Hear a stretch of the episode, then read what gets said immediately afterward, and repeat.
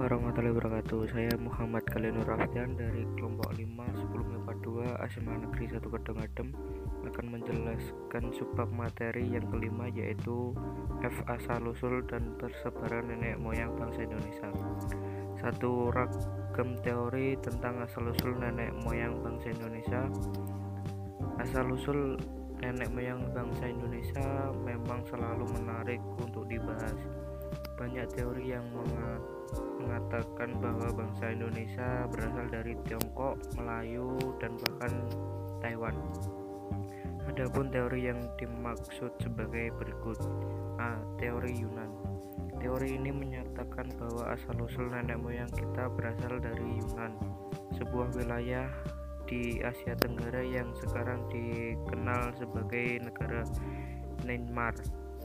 Seorang arkeolog asal Austria Robert Baron von Hein tahun 1885 sampai 1965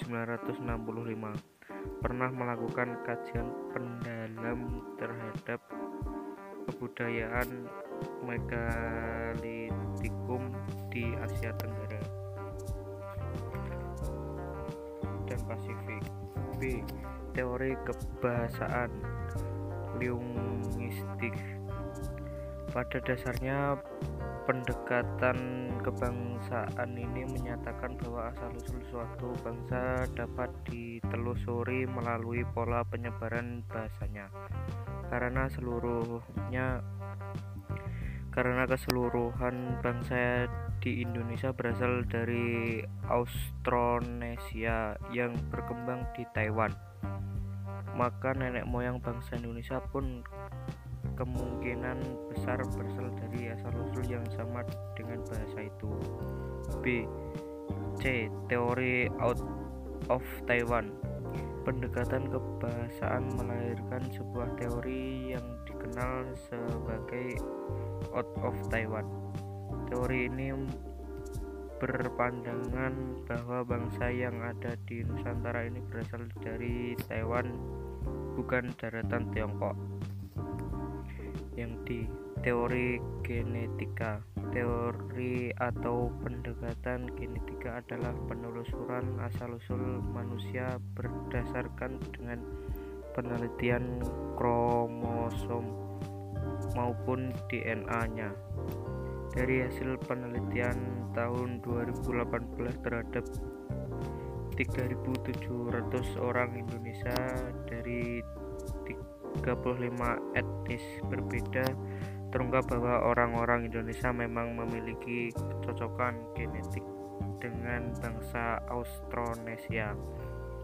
E teori out of Africa. Teori yang teori ini menyatakan bahwa manusia modern yang hidup sekarang berasal dari Afrika.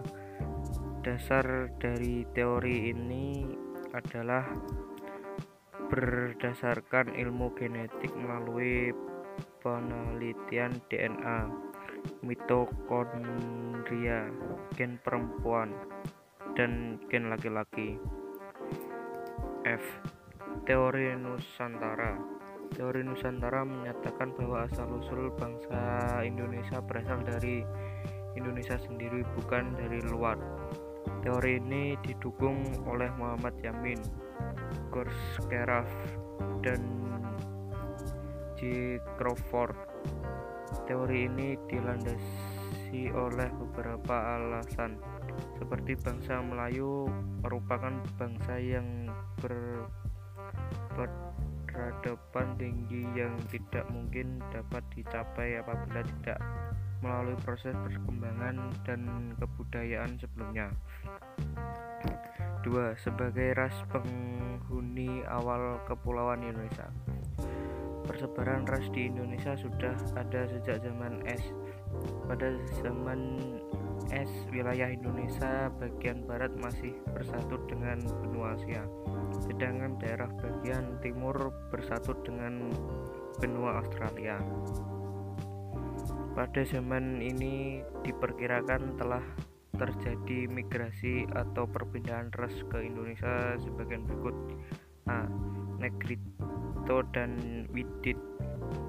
Sebelum Negrito diberikan oleh orang-orang Spanyol karena yang mereka jumpai itu berkulit hitam mirip dengan jenis-jenis Negro sejauh mana kelompok Negrito itu bertalian darah dengan jenis-jenis Negro yang terdapat di Afrika serta kepulauan Melanesia Pasifik.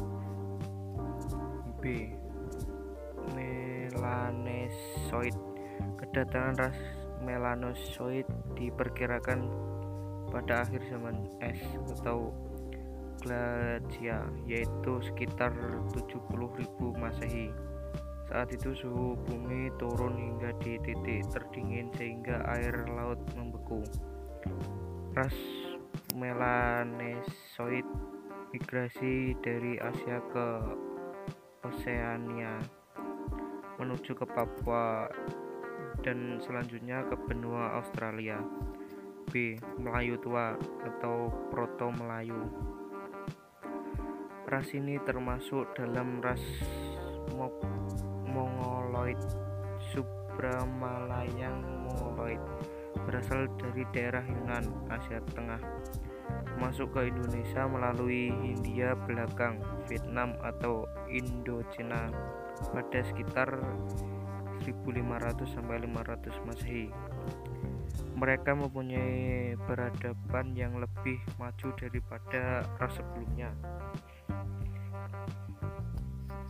Di Indonesia, ras ini menyebar melalui dua jalur sesuai dengan jenis kebudayaan. Neolitikum yang di bawahnya yaitu sebagai berikut. Satu jalur pertama atau jalur barat. Mereka menempuh perjalanan jalur darat dari Yunan menuju Sumen Sumenanjung Melayu melalui Thailand menuju melanjut selanjutnya menuju ke Sumatera, Jawa, dan Bali. Ada pula yang menuju Kalimantan dan berakhir di Nusa Tenggara. 2. Jalur kedua atau jalur timur. Mereka diperkirakan datang menempuh jalur laut dari Yunan, Teluk Tonking menelusuri pantai Asia Timur menuju Taiwan, Filipina, kemudian ke Sulawesi, Maluku, ke Irian atau Papua, selanjutnya ke Australia. Mereka diperkirakan datang membawa kebudayaan berupa kapak lonjong. D. Melayu muda atau Deontro Melayu bangsa Melayu muda memasuki kawasan Indonesia sekitar 500 Masehi, sekitar bergelombang. Mereka masuk melalui jalur barat melalui Semenanjung Melayu termasuk terus ke Sumatera dan tersebar ke wilayah Indonesia yang lain kebudayaan mereka lebih maju daripada bangsa Proto Melayu. Mereka telah pandai membuat benda-benda dari logam perunggu. Kepandaian ini lalu berkembang menjadi buatan besi. Kebudayaan Melayu muda ini sering disebut kebudayaan Dongson. Demikian yang dapat saya sampaikan. Wassalamualaikum warahmatullahi wabarakatuh